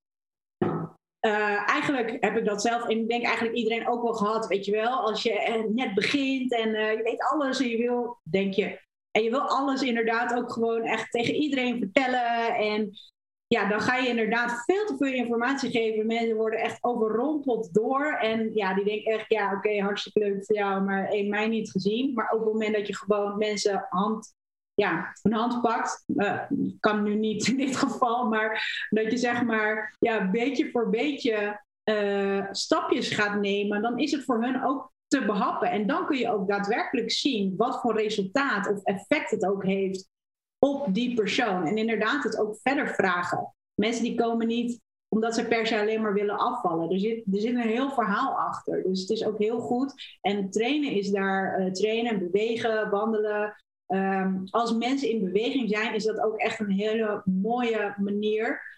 Um, want dan gaan mensen zich wat, wat kwetsbaarder opstellen, zeg maar. Dus dan gaan ze minder in hun hoofd zitten en dan zullen ze ook veel meer met je gaan delen. Dus op die manier kun je echt mensen een stuk verder helpen. Um, echt heel mooi gezegd. stukje bewegen, de laatste. Daar zijn we allemaal mee bezig. Dus er zit een heel groot verschil tussen bewegen en trainen. Uh, maar laten we gewoon even bewegen in het, uh, in, in het groot, zeg maar, aanpakken. Ja, ja daar ben ik tijdens, tijdens cursussen um, zelf altijd het meest kort over. En dan zeg ik er meteen altijd bij, niet omdat het het minst belangrijk is, uh, maar wel omdat het het minst mijn expertisevlak is. Hè. Dus ik ga niet op het podium staan en zeggen van, joh, moet je kijken wat ik allemaal weet van bewegen en van trainen. Um, in een, in een uh, officieel op papier ben ik wel iets van personal trainer, maar dat is net zoals ik fysiotherapie ben, dat, dat ben ik ontgroeid, dat is niet mijn ding. En ik vind beide enorm belangrijk. Hè? Dus ik vind trainen enorm belangrijk. Um, ik vind bewegen enorm belangrijk. Um, zowel vanuit persoonlijke ervaring als wat ik bij mensen zie. Um, zelf tijdens de zes domeinen hebben we het zeker over een aantal belangrijke dingen. Hè? Dus waarom is zitten zo desastreus? Uh, wat zijn bepaalde relaties, hoe je brein functioneert en met überhaupt buiten zijn en bewegen in de natuur. nog wel een heel interessant principe vanuit de osteopathie over visceroafferentie en waar bepaalde pijnklachten en bepaalde beweegpatronen vandaan kunnen komen. Dus ik, heb wel een paar dingen van ik denk, hé, hey, daar heb ik echt iets toe te voegen. Ehm, maar als het gaat om ja, bewegen en trainen, dan hebben wij uh, bij de jaaropleiding ervoor gekozen om twee gastdocenten uh, in te zetten, of zelfs vier gastdocenten bij elkaar. dat is het team van WeLift, hè, dus uh, Colin en Robert, Martijn, Willem. Volgens mij ben ik nou compleet, hoop ik. Ehm, en uh, aan de andere kant Wouter van Aalst. Eh, Wouter van Aalst uh, doet de hele unieke dingen. Meer in de hoek van Fighting Monkey, Ido Portaal. zo alle, oh, helemaal in die hoek. En Wouter zit heel erg dus meer op dat speelse. En um, nou, heeft mij heel erg laten inzien dat natuurlijk, een push-up is een push-up, een squat is een squat. Maar het lichaam laat veel meer mobiliteit toe, is veel stabieler, is veel meer in staat om goed te kunnen bewegen. Als het veel meer strategieën kent voor dezelfde beweging. dus heel erg afstappen van, oké, je handen moeten zo tijdens een push-up en je ellebogen moeten zo en zo ziet een push-up eruit. Maar heel erg toe naar hoeveel varianten zou je kennen om met je borst naar de grond te komen en terug omhoog. En laten we daarin dus alle regels loslaten. En het is verbazingwekkend hoe uh, dat prestatie bevordert. Hè, echt op maximaal kracht en op prestatie tot hoe het klachten oplost bijvoorbeeld. En dat is, ja, voor mij was dat heel vernieuwend. Um, wou ik zelf ook echt niet doseren, want Wouter doet het echt zoals Wouter het doet. En dat is fenomenaal. Uh, net als dat de gasten van WeLift een heel uniek concept hebben met uh, het uh, Olympisch gewicht heffen en de koppeling naar allerlei systemen in het lichaam. En ook een hele mooie overlap met zes domeinen. meer inzichten vanuit strongman, ketens, patronen, redeneren. Um, dus ja, ik ben heel trots en blij dat zij deel uitmaken van de jaaropleiding om zo bewegen wel um, in het juiste daglicht te stellen. Want zelf ik zeg wel dat het heel belangrijk is en dat vind ik ook echt. Uh, maar voor mij inhoudelijk zul je er weinig van leren, omdat jij de gemiddelde personal trainer in de zaal daar gewoon meer over weet dan ik dat weet. Ja. Nou, ja, ik denk ook wel dat het heel ver is om te zeggen. En ik denk ook wel dat het, dat het dus een kracht is om te weten waar jouw specialiteiten wel zijn, waarvan je weet, oké, hier kan ik mijn bijdrage leveren. En uh, op het moment dat het over dat domein gaat, ja, dan pak je daar. Uh, uh, daar heb je daar andere mensen voor die zich daar helemaal in specialiseren. Dat is het stukje eigenlijk specialisatie waar we in het begin van, uh, van het gesprek over hadden. Ik denk dat het juist heel erg belangrijk is, en dat is eigenlijk ook de visie van ondernemen op sneakers, om die krachten te gaan bundelen. Weet je, er, er, is niet één methode, maar ik denk dat het heel goed is als je weet waar, waar je zelf goed in bent. Wat heb jij je klanten te bieden? Waar kun jij het verschil maken? Dus je daarin specialiseren. En voor de andere Ehm, eh, dingen, zeg maar, of de andere gebieden, om daar vooral je, je experts bij te zoeken, die daar wat meer, en, en durf dat ook te doen. En probeer niet alles zelf te willen doen of op, op te lossen of daar maar de antwoorden voor te hebben. Weet je, het is altijd goed om lekker nieuwsgierig te blijven en te blijven leren, te blijven experimenteren bij jezelf en vervolgens ja, bepaalde kennis toe te passen in je eigen training en coaching, maar vooral ook echt te kijken naar hoe andere mensen dat doen. En als je het hebt over het sexy maken van vitaliteit, het sexy maken van bewegen, ehm, ja, dan, dan is dit natuurlijk gewoon het, het, het, het, stukje hoe kun je je lichaam gebruiken. En uh, ja, wij organiseren bijvoorbeeld dan, uh, dan teamevenementen, uh, waar veel crossfitters op afkomen. En um, ja, ik, ik wil me ook niet per se in de niche van, van CrossFit, zeg maar. Wij zijn ook niet een officieel CrossFit-evenement natuurlijk. Um, maar gewoon als mensen vragen van ja, oké, wat kun je daar verwachten? En dan zeg ik altijd, alles wat je kunt verplaatsen en waarmee je kunt verplaatsen, kan tegen je gebruikt worden. Dat, dat is zeg maar zoals het denk ik wat meer. En CrossFit is daar gewoon, die heeft daar gewoon natuurlijk een hele goede voorzet in gemaakt. Um, dat is waar het om gaat. Het gaat niet om de perfecte, perfecte beweging met je ellebogen zo en je handpositie zo. Zo, zo, zit het, zo zit de wereld niet in elkaar. Zo zit het fysiek niet in elkaar. Dus inderdaad, ga ermee spelen. En niet alleen maar tijdens je trainingen. Maar ik denk dat het grootste compliment dat wij als trainer-coach kunnen hebben. Uh, is dat mensen zeg maar, in het dagelijks leven veel meer uh, plezier ervaren van het bewegen en minder belemmeringen. Uh, en, en wat meer kunnen genieten zeg maar, van hun fysieke fitheid en, en mentale fitheid. En daar flexibel in kunnen zijn en gewoon lekker kunnen genieten van het leven. Daar komt, daar komt het eigenlijk allemaal een beetje op neer. Um, ja, tof. hey, ik, uh, we moeten helaas een beetje gaan afsluiten nu. Maar we hebben alle, alle domeinen die hebben we gehad. Er zit natuurlijk heel veel overlap in. Als mensen nou geïnteresseerd zijn in Business Academy, wat is de eerstvolgende? Waar kunnen ze jou vinden ten eerste? En ik ga hem sowieso in de show notes zetten. Mm Ja, ze kunnen ons op verschillende plekken vinden. Wij uh, doen al onze promotie en kennisdelen doen we online.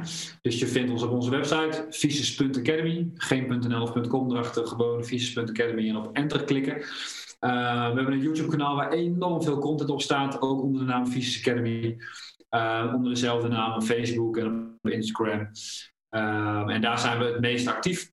Daarnaast hebben wij ehm, eh, nou ja, ook de uh, nieuwsbrief-sectie gemaakt, om maar zo te zeggen. Iedereen zegt gebruik de term nieuwsbrief niet.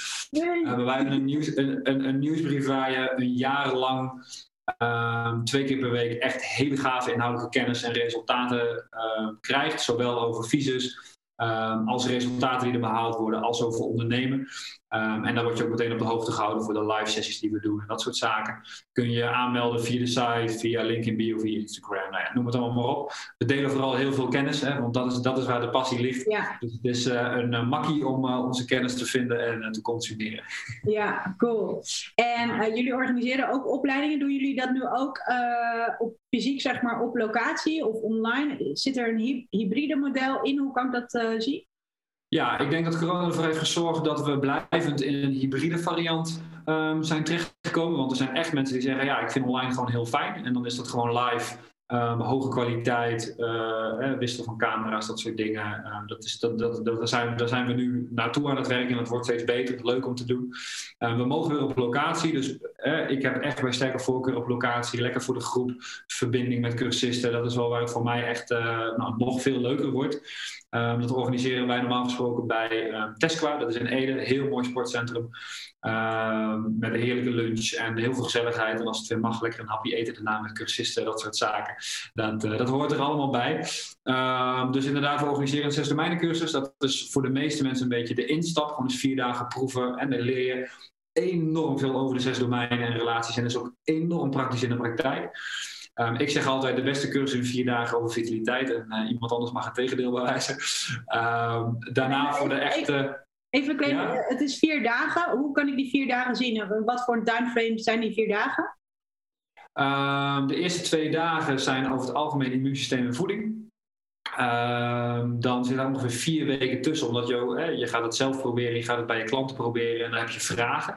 Tussendoor doen we sinds corona een Q&A die houden we erin, want mensen vinden het heel fijn om tussendoor even hun vragen kwijt te kunnen en voor ons ook heel waardevol. Um, dan heb je dus dag drie en vier met slaap, ademhaling en stress. -hmm. um, bewegen hebben we inmiddels online opgenomen, omdat het een beetje uit zijn jasje groeide en we het wel in vier dagen wouden. Dus die kun je dan gewoon online volgen. Uh, want met die zes cursus krijg je toegang tot een online portaal. Uh, met meer dan twee of misschien inmiddels al wel 300 wetenschappelijke artikelen eh, per, per domein netjes gerangschikt. Extra colleges over suppletie, over crossfit en blessures bijvoorbeeld door uh, Meerwijs uh, sportarts en zo tal van andere extra colleges die er, eh, waarin we het gewoon leuk vinden om die extra te delen. En waar je ook contact hebt met andere cursisten, vragen kan stellen, elkaar kunt vinden. Um, dus dat is, dat is de, de vier dagen, zes domeinen. Ja.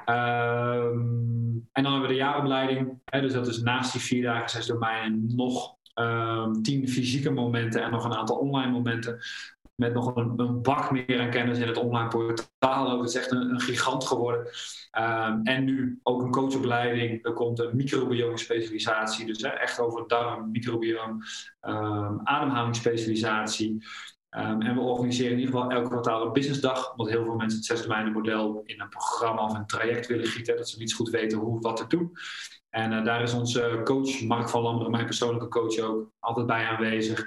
En uh, inspireren we behandelaars en trainers ook op het ondernemersvlak. En zo uh, is over waarschijnlijk over een jaar het aanbod alweer anders en gegroeid. maar uh, dit, is het, dit is het op dit moment. ja, precies. Ja. Ik denk dat een stukje, inderdaad, hoe ga je het in de praktijk toepasbaar maken, zeg maar, het stukje business, dat dat voor heel veel mensen um, ja, waardevol is. Um, stel, ik zou een zes domeinen, ik zou die cursus willen doen. Wat is de eerstvolgende datum? Poeh, eerstvolgende datum is in september, oktober. Daar hebben we twee edities, waarvan eentje uitverkocht en die andere nog zeven plekken. En we organiseren eigenlijk altijd, zeg maar, begin van het jaar, dus hè, januari, maart is vaak een editie samen. Um, dan vaak april, mei en dan 2 september, oktober, november. Dus dat is altijd vier per jaar. Um, en eigenlijk altijd een half jaar van tevoren wel uitverkocht. Dus wel iets om, als je het wilt doen, uh, in een bepaald jaar daar rekening mee te houden. Ja, precies. Ja. Dus als je het dit jaar nog wil doen, dan is het belangrijk om gewoon naar de website toe te gaan, informatie op te vragen of eventueel in te schrijven. Daar, daar komt het eigenlijk een beetje op neer als ik het zo ja. hoor. Nou ja, weet je, er is, er is nooit haast bij. Gevuld is gewoon de volgende, dus dat is, dat is verder geen ja, probleem. Uh, je, kunt ons, je kunt ons altijd even bellen uh, voor meer informatie. We zijn daarin, uh, houden we heel graag van het persoonlijk contact, ondanks dat we vrij snel groeien. Zover gaat het nog. dus als je vragen hebt over de inhoud of je denkt dat het voor je is, kun je ons ook altijd gewoon bellen. Oh, super. Hartstikke top. Ik ga niet vragen om de laatste tips, want je hebt echt heel veel weggegeven. ja, dat is altijd zo'n zo'n dingetje. Heb je nog iets toe te voegen na een gesprek van dik een uur? ik denk dat we heel veel uh, uh, ja, waardevolle punten, de zes domeinen uiteraard, hebben aangestipt eventjes elke keer. Ik denk dat als mensen alleen al hierop gaan letten en daar aandacht voor hebben, dat er dan al een hele wereld open gaat. En dan kun je inderdaad die verdieping en vervolgens die verbreding opzoeken bij jullie. Hey, hartstikke tof. Ik, uh, ik zeg dankjewel. En ik ga zeker, heb ik stiekem al gedaan, de jongens van WeLift en Meerwise. En uh, ja, die, uh, die wil ik zeker ook hier met open armen bij ondernemers op sneakers ontvangen. Maar sowieso bedankt voor jouw bijdrage. En uh, nou, wellicht gaan we in de toekomst nog mooie dingen doen. Uh, one step at a time. Heel veel succes met je verhuizing. en, uh, ja. ja. en heel tof dat je ondanks ja, de drukke periode en de verhuizing alsnog even tijd wilde vrijmaken voor de trainers en coaches van onderneming op sneakers. Ik zeg, um, ik zie jou tot de volgende keer. En alle informatie is uiteraard te vinden op de show notes van jouw favoriete podcast. Enjoy it, Jay! Yo, yo.